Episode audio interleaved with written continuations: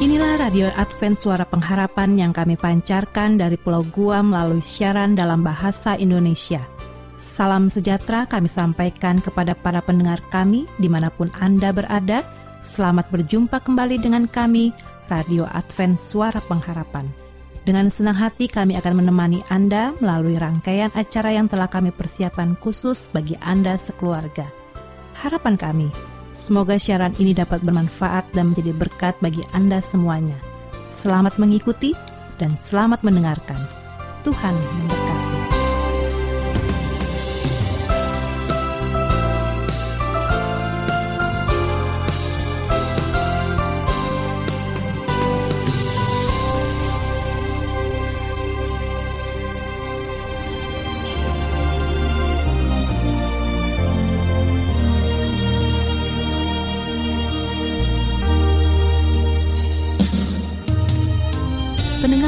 Dikasih Allah, Anda akan segera mengikuti ruang Alkitab menjawab yang akan disampaikan oleh Pendeta Andri Daimbani didampingi oleh Ayura Yosep Mani. Sebuah program yang dipersiapkan dengan seksama, syarat dengan jawaban Alkitab yang ringkas dan logis untuk berbagai pertanyaan Alkitab. Dari studio, kami ucapkan selamat mengikuti.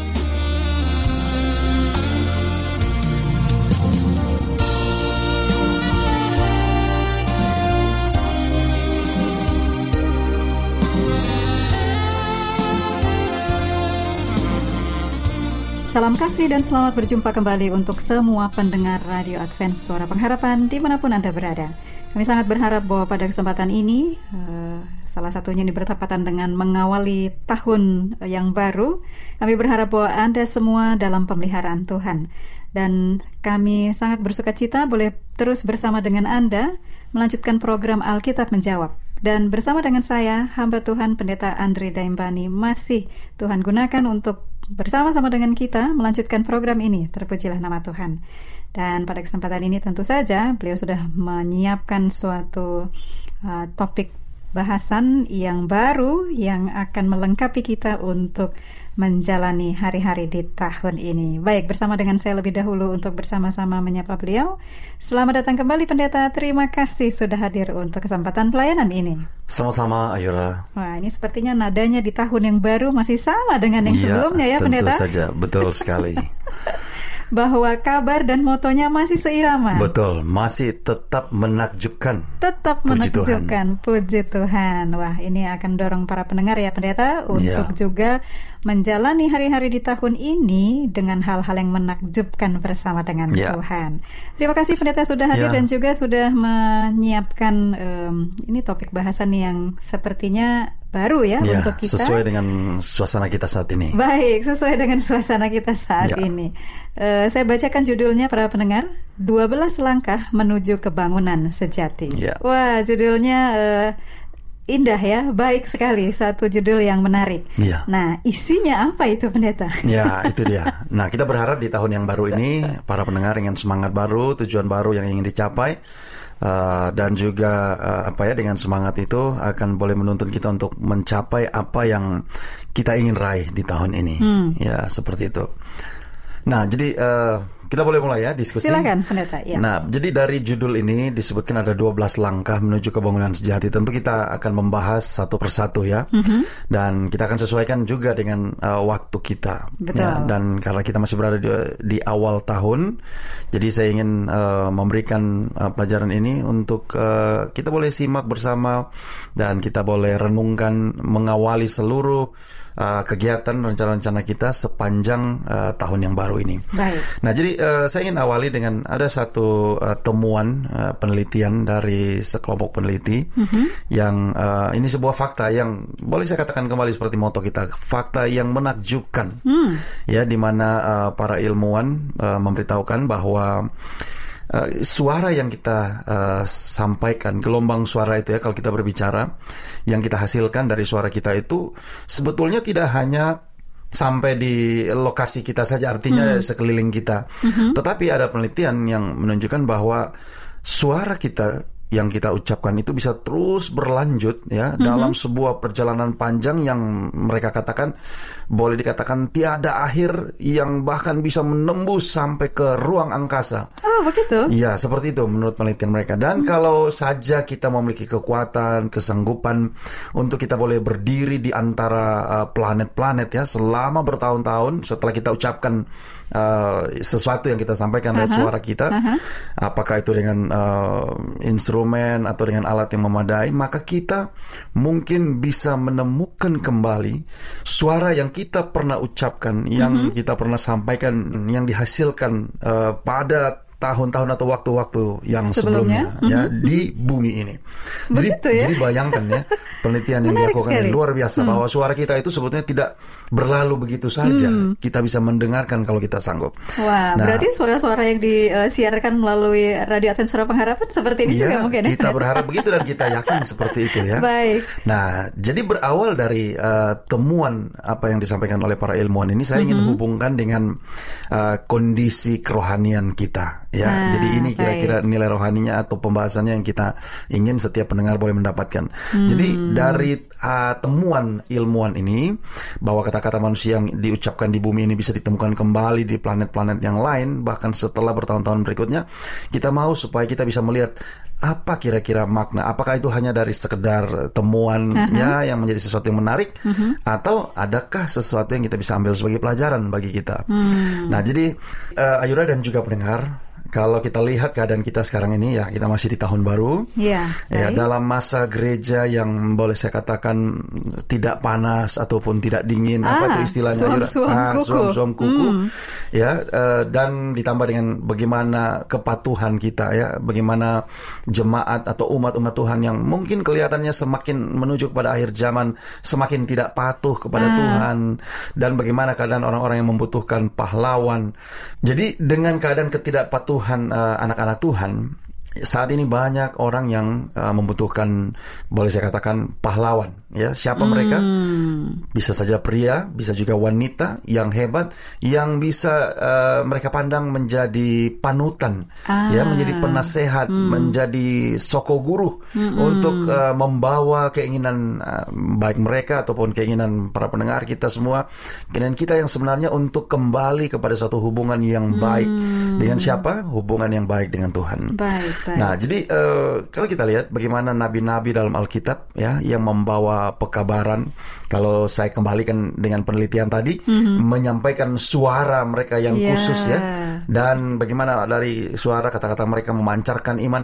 Jadi sebetulnya mereka boleh kita katakan sebagai pahlawan yang sempurna yang bisa kita teladani ya. Ah, jadi seperti itu pendeta ya, ya. Kita bisa lihat seperti itu dan memang uh, uh, inilah yang yang terjadi ya. Mm-hmm. Uh, nah, ada kalau kita berbicara tentang uh, para nabi, tentang pahlawan yang tadi saya sudah mhm, sebutkan. Mm-hmm, pahlawan-pahlawan iman ya, itu ya. Ada mm-hmm. dua yang mungkin uh, apa ya, yang saya ingin angkat, yang mungkin akrab di telinga kita, mm-hmm. yang saya sebutkan sebagai pemenang terbesar kalau mm-hmm. kita berbicara tentang teladan ya dalam kitab suci. Right. Siapa mereka? Mereka adalah Elia dan Yohanes uh, Pembaptis. Ah, nah, Elia, Yohanes Pembaptis. Mungkin Baik. Ayura dan juga pendengar ya uh, sudah akrab dengan dua tokoh ini mm-hmm. atau bahkan juga mungkin sering uh, mendengarkan ya dari cerita-cerita tentang mereka. Uh, apa yang saya mau ambil dari dua tokoh ini ya bahwa Tuhan memakai kedua orang ini melalui perkataan atau ucapan yang mereka sampaikan di dalam hmm. pekabaran yang uh, mereka bawakan. Baik. Nah, apa yang mereka sampaikan itu tentu adalah untuk uh, membawa pengaruh yang baik ya terhadap uh, kebangunan dan uh, tentu cerita yang ada itu adalah kalau kita hubungkan dengan zaman di mana mereka melayani yeah. ya kebangunan yang uh, yang hebat di masa mereka tetapi Tuhan juga ingin ini terjadi mm-hmm. dan dampaknya itu bisa sampai kepada zaman kita pada saat ini mm-hmm. dalam kehidupan para pendengar dan kita semua baik di rumah, di gereja ya mm-hmm. dan para nabi dan juga Tuhan sendiri berharap agar gaung daripada pekabaran tersebut ya pekabaran yang sama dari perkataan dan ucapan dari nabi-nabi itu juga masih terus menggema sampai kepada zaman kita saat ini ya baik, seperti itu. Baik.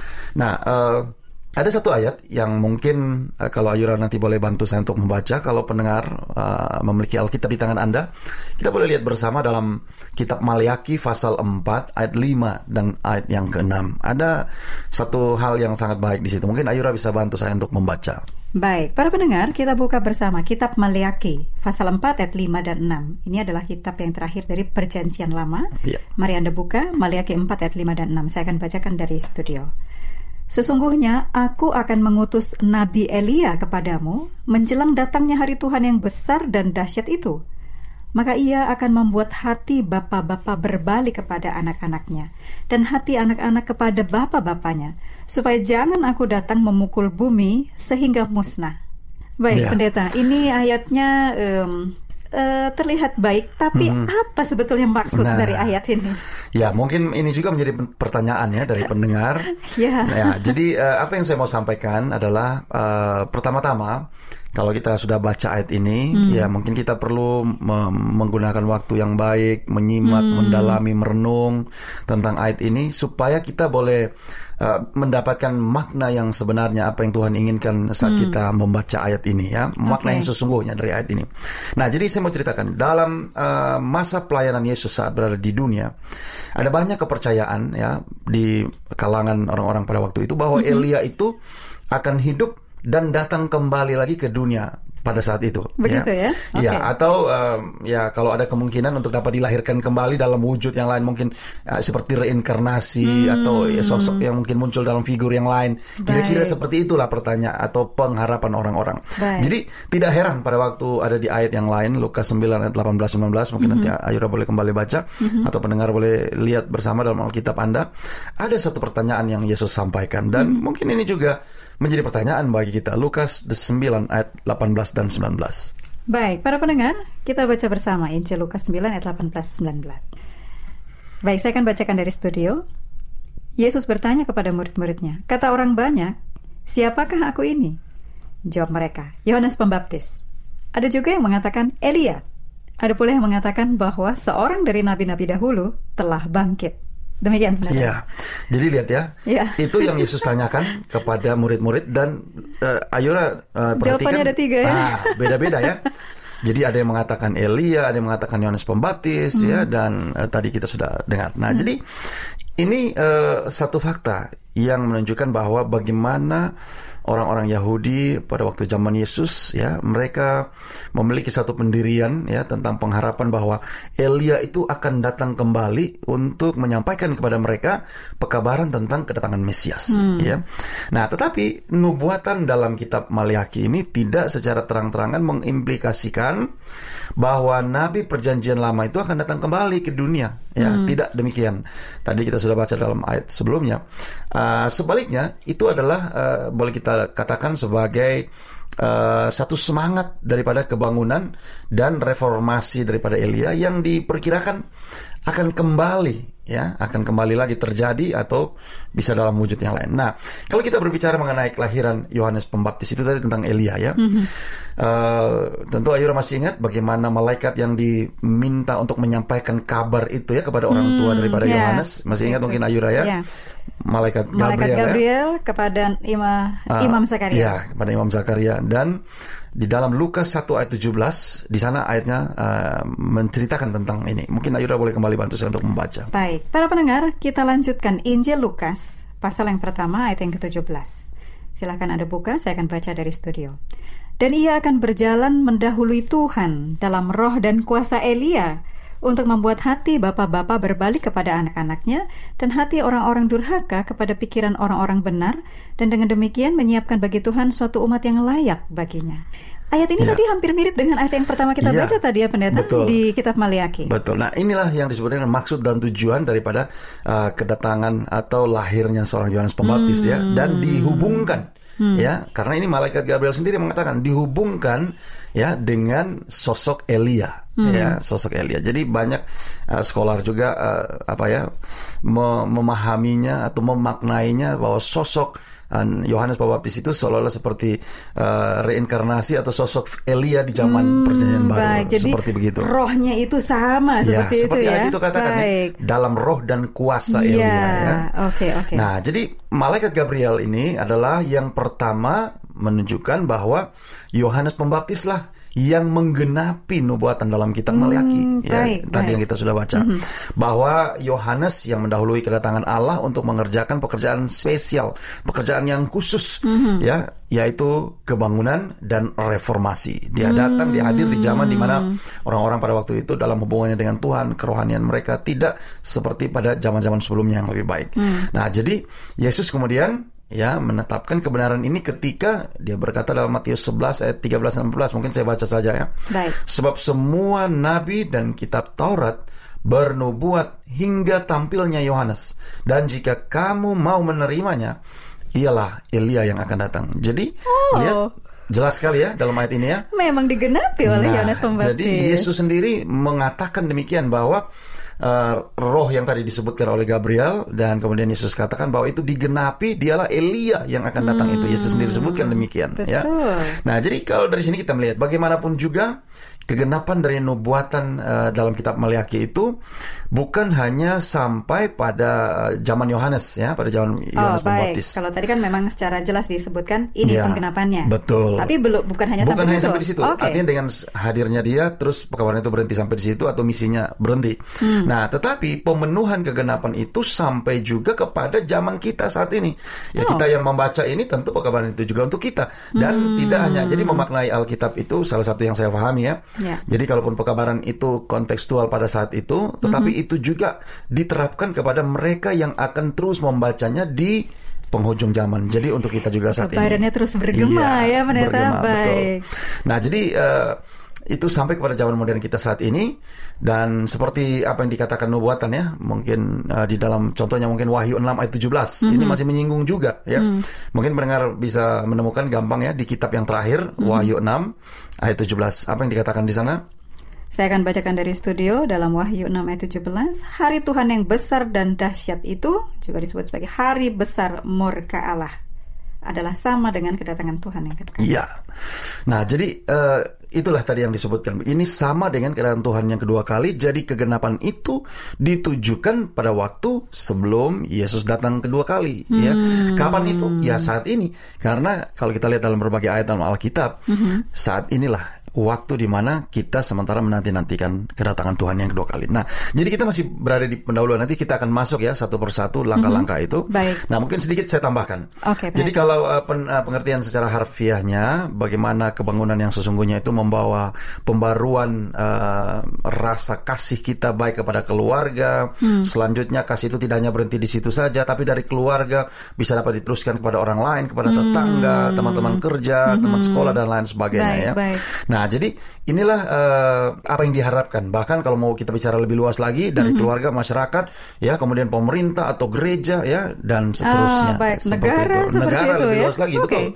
Nah, jadi uh, kecurahan dari Roh Tuhan itu, ya selalu menghasilkan kasih yang akan menuntun kita kepada perintah Tuhan. Seharusnya demikian. Hmm. Jadi uh, itu dimulai dari diri sendiri Baik. ya kemudian kepada keluarga unit yang lebih luas masyarakat eh, sampai kepada yang tadi Ayura sudah sebutkan hmm. jadi uh, di dalam Yohanes 14 ayat 15 saya yakin ah. Ayura sangat menghafal ayat ini. Mungkin bisa dibaca. Baik para pendengar.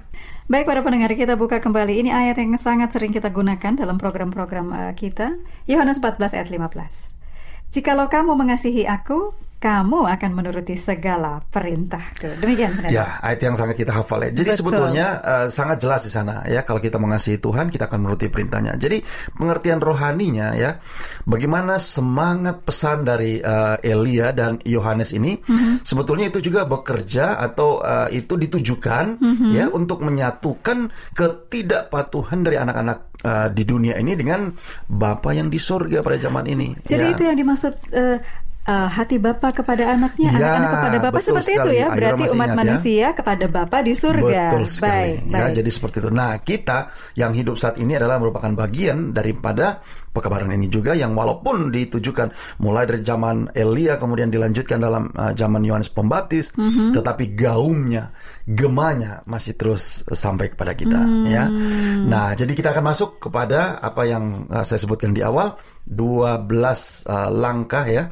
12 langkah uh, menuju, Menuju kebangunan sejati. Nah, kita mungkin bisa ya satu atau dua mungkin ya dua langkah pertama mengingat Baik. waktu kita yang terbatas. Betul. Ya. Mungkin kita mulai dengan langkah pertama, Langkah pertama Pendeta. ya. ya. Yang pertama bahwa uh, langkah yang kita harus lakukan yang pertama adalah berani dan tanpa takut. Oh, Bahkan begitu. di hadapan pemimpin sekalipun. Jadi yang pertama harus berani. Harus berani tanpa dulu, takut. tanpa takut. Seperti Ya. itu rohnya Elia ya. Nah, saya masih saya mau ambil contoh salah satu dalam satu Raja-Raja 18 ayat 18. Nah, ya. baik. Itu di sana eh, bagaimana eh, Elia dengan begitu berani di hadapan Ahab ya. Mungkin Ayura boleh bantu baca kalau sudah eh, ketemu ayatnya. Baik, para pendengar, ini sangat menarik. Kita perlu membuka catatan dalam satu Raja-Raja pasal 18 ayat 18. Saya harap Anda sudah membukanya. Saya akan bacakan dari studio. Bukan aku yang mencelakakan Israel, melainkan engkau dan kaum keluargamu, sebab kamu telah meninggalkan perintah-perintah Tuhan dan engkau ini telah mengikuti para Baal. Demikian Bayangkan ya, begitu itu Elia kerasnya Elia mengatakan ya. berkata kepada raja saat itu ya. Iya, itu Elia. Nah, kita bisa lihat juga hal yang sama dilakukan oleh seorang Yohanes Pembaptis. Coba Ayura baca Ah. selanjutnya dalam uh, Markus 6. Ini ayatnya sama-sama 18 ya. Oh, Markus iya, 6 ayat menarik. 18. Coba uh, mungkin Ayura baca, para mendengar boleh buka Alkitab Anda. Baik, sekarang ini zamannya Yohanes Pembaptis. Kita lihat karakteristiknya ya. Markus 6 ayat 18.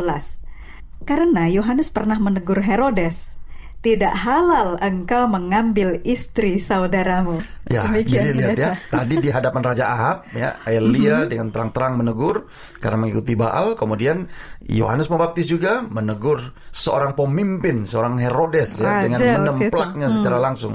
Jadi sungguh luar biasa. Ya, kita bisa melihat ya dari dua uh, hal ini ya, Hmm. bagaimana Yohanes dan juga Elia keduanya dengan berani tanpa takut mereka mengajarkan pesan yang benar kepada siapa saja termasuk di hadapan raja-raja ya Herodes Hmm. itu pemimpin di zaman Yohanes begitu juga Ahab pemimpin di zaman Elia jadi Yesus berkata ya bahwa pada akhir zaman pada hari-hari terakhir kamu akan dihadapkan ke muka penguasa-penguasa dan raja-raja ya karena aku kata Yesus karena Hmm. Yesus ya untuk apa sebagai kesaksian ya bagi mereka Oh, jadi ada maksudnya Betul, supaya menjadi saksi. tidak berani-berani sembarangan saja, tetapi ada sesuatu yang mereka sampaikan. nah, Baik, jadi baik. kita tidak seharusnya mencari pengakuan di hadapan manusia, tapi yang paling penting adalah lebih bagus kita diakui di hadapan Tuhan. Amin. Ini hal yang paling penting ya di langkah yang pertama ini. Jadi uh, untuk menetapkan kebangunan besar, apa yang menjadi pesan Elia, di mana dia berani memproklamirkan dengan jelas tanpa kompromi ya tentang uh, sesuatu pekabaran tersebut, bahkan terkadang tanpa bukan sesuatu yang populer. Iya, ya, dan pokoknya dia nggak begitu berani. disukai ya. Ya, itu yang kita bisa lihat. Karena Baik. ini ayat terakhir Baik, ya, ayat pendeta. terakhir di dalam 2 Timotius 4 ayat 3 dan 4. Mhm. Mungkin Ayura boleh baca? Baik, para pendengar, ayat terakhir kita untuk pertemuan ini 2 Timotius 4 ayat 3 dan 4. Saya akan bacakan. Karena akan datang waktunya, orang tidak dapat lagi menerima ajaran sehat. Tetapi mereka akan mengumpulkan guru-guru menurut kehendaknya untuk memuaskan keinginan telinganya. Mereka akan memalingkan telinganya dari kebenaran dan membukanya bagi dongeng. Sangat Wah. tragis sekali ya, Me- memalingkan telinganya dan membuka kebenaran kepada dongeng. Jadi uh, ini langkah yang per- pertama, berani dan tanpa takut bahkan di hadapan pemimpinnya. Saya berharap para pendengar, kalau Anda sudah mendengarkan pelajaran ini, biarlah di tahun ini kita juga boleh melakukan apa yang dilakukan oleh Elia dan Yohanes ya. Mereka dengan berani menyampaikan pekabaran ini dan inilah yang kita boleh uh, sampaikan dalam baru langkah pertama Baru ya. langkah pertama Masih kita ada masih 11 langkah ya, lagi betul sekali. Benar. Ya. Jadi pastikan Bu Anda terus bersama dengan siaran kami khususnya di tahun yang baru ini. Biarlah ini akan menolong kita untuk mencapai kebahagiaan sejati. Baik, eh, kita akan akhiri seperti biasa. Betul sekali dan pendeta akan menutup dalam doa sekaligus untuk pokok-pokok doa yang sudah uh, kami terima di studio. Baik, mari kita tunduk kepala kita berdoa. Bapa di sorga, Allah yang baik, Allah yang maha pengasih, Allah yang maha penyayang. Kami puji mereka namamu ya Tuhan. Pada saat ini kami boleh berada di tahun yang baru.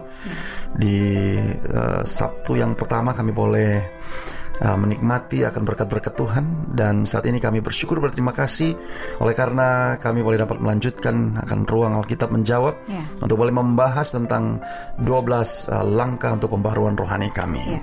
Kami sudah mengawali seluruh pelajaran yang kami akan ikuti. Kami diingatkan di pertemuan ini untuk boleh berani dan tanpa takut untuk menyampaikan kabar kebenaran firman Tuhan. Hmm. Biarlah setelah kami mempelajari akan fakta-fakta kebenaran dari seorang Elia dan seorang uh, Yohanes uh, Pembaptis akan boleh dapat menginspirasi kami untuk juga dapat melakukan hal yang sama dalam kehidupan kami di zaman akhir ini di mana kami percaya bahwa gaum gema daripada pekabaran Elia maupun Yohanes juga sampai pada zaman kami saat ini. Saat ini Tuhan kami mau berdoa bagi setiap pendengar kami di mana pun mereka berada.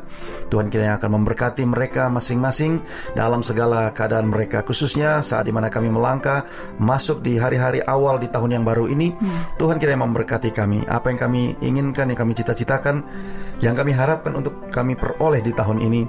Biarlah dengan pertolongan Tuhan kami boleh dapat raih dan biarlah itu boleh menjadi berkat bagi kami. Amin. Kami berdoa Tuhan secara khusus bagi mereka yang telah menyampaikan usulan doa di meja redaksi. Kami ingin berdoa bagi pendeta Venansius Thomas ya. di GPDI Dusun Pekampi di Desa Maya, Kecamatan Seluas di Kabupaten Bengkayang, Kalimantan Barat. Ya. Biarlah Tuhan akan menyertai dia dia sudah menerima Alkitab yang berisi suplemen dan juga seri penemuan baru pelajaran Alkitab dan juga buku-buku rohani lainnya. Yeah. Tuhan kami percaya ini akan boleh memperkaya, menambah hasanah pengetahuan dari hamba Tuhan Pendeta Finansius Thomas yeah. sehingga dia boleh dapat mengerti, memahami akan firman-Mu lebih lagi dan dapat melayani, membagikan kabar keselamatan ini kepada umat-umatnya, jemaat yang dia gembalakan. Amen. Tuhan berkati pelayanan hamba Tuhan ini, biarlah dia boleh menjadi saluran berkat di mana dia melayani. Kami juga mau berdoa Tuhan bagi Bapak Enderias Abun di GKI Galatia Dusun Endoya yang berada di Desa Sape, Kecamatan uh, Jangkang, Balai Sebut di Kabupaten Sanggau, Kalimantan Barat. Ya. Kami berdoa Tuhan biar Tuhan juga memberkati dia. Dia sudah menerima seri penemuan baru dan juga buku-buku rohani. Amen. Tuhan kiranya memberkati agar ini juga boleh bermanfaat secara rohani bagi Bapak Andreas Abun. Dan saat ini Bapak kami juga mau berdoa bagi Bapak Hari Santosa di Jember, Jawa Timur yang sudah menerima buku-buku kesehatan. Tuhan yeah. juga berkati biarlah buku-buku ini bukan hanya dibaca tetapi juga boleh bermanfaat dalam kehidupan uh, Bapak Hari Santosa. Tuhan masih banyak permohonan kami. Kami berdoa bagi semua pendengar kami di mana pun mereka berada. Biarlah berkat Tuhan boleh senantiasa menjadi bagian mereka. Kami rindu supaya di waktu-waktu mendatang kami juga boleh kembali bertemu lagi untuk melanjutkan akan pembahasan ruang Alkitab menjawab. Inilah doa kami Bapak. Kami yakin dan percaya Engkau sudah dengar dan jawab doa ini. Ampuni dosa dan kesalahan kami di dalam nama anak Yesus Kristus kami mohonkan. Amin.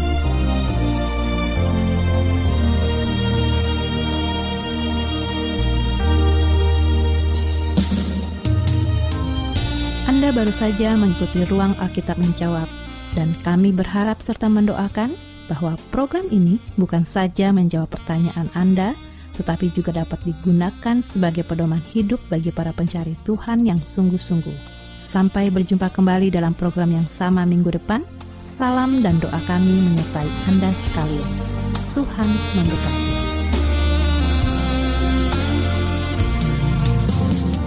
Demikianlah rangkaian acara yang dapat kami persembahkan hari ini. Dan apabila Anda mempunyai pertanyaan atau ingin mendapat pelajaran Alkitab penemuan baru, silakan menghubungi kami dengan cara mengirimkan surat ke alamat Radio Advent Suara Pengharapan – PO Box 8090 Jakarta 12810 Indonesia. Telepon 0821 1061 1595. Alamat email awrindonesia@yahoo.co.id. Anda juga dapat bergabung di Facebook kami, pendengar Radio Advent Suara Pengharapan, juga Radio Advent Suara Pengharapan. Terima kasih kami ucapkan bagi Anda semua pendengar kami yang setia. Kita akan berjumpa kembali pada waktu dan gelombang yang sama esok hari. Salam kasih dan sejahtera. Kiranya Tuhan memberkati kita semua.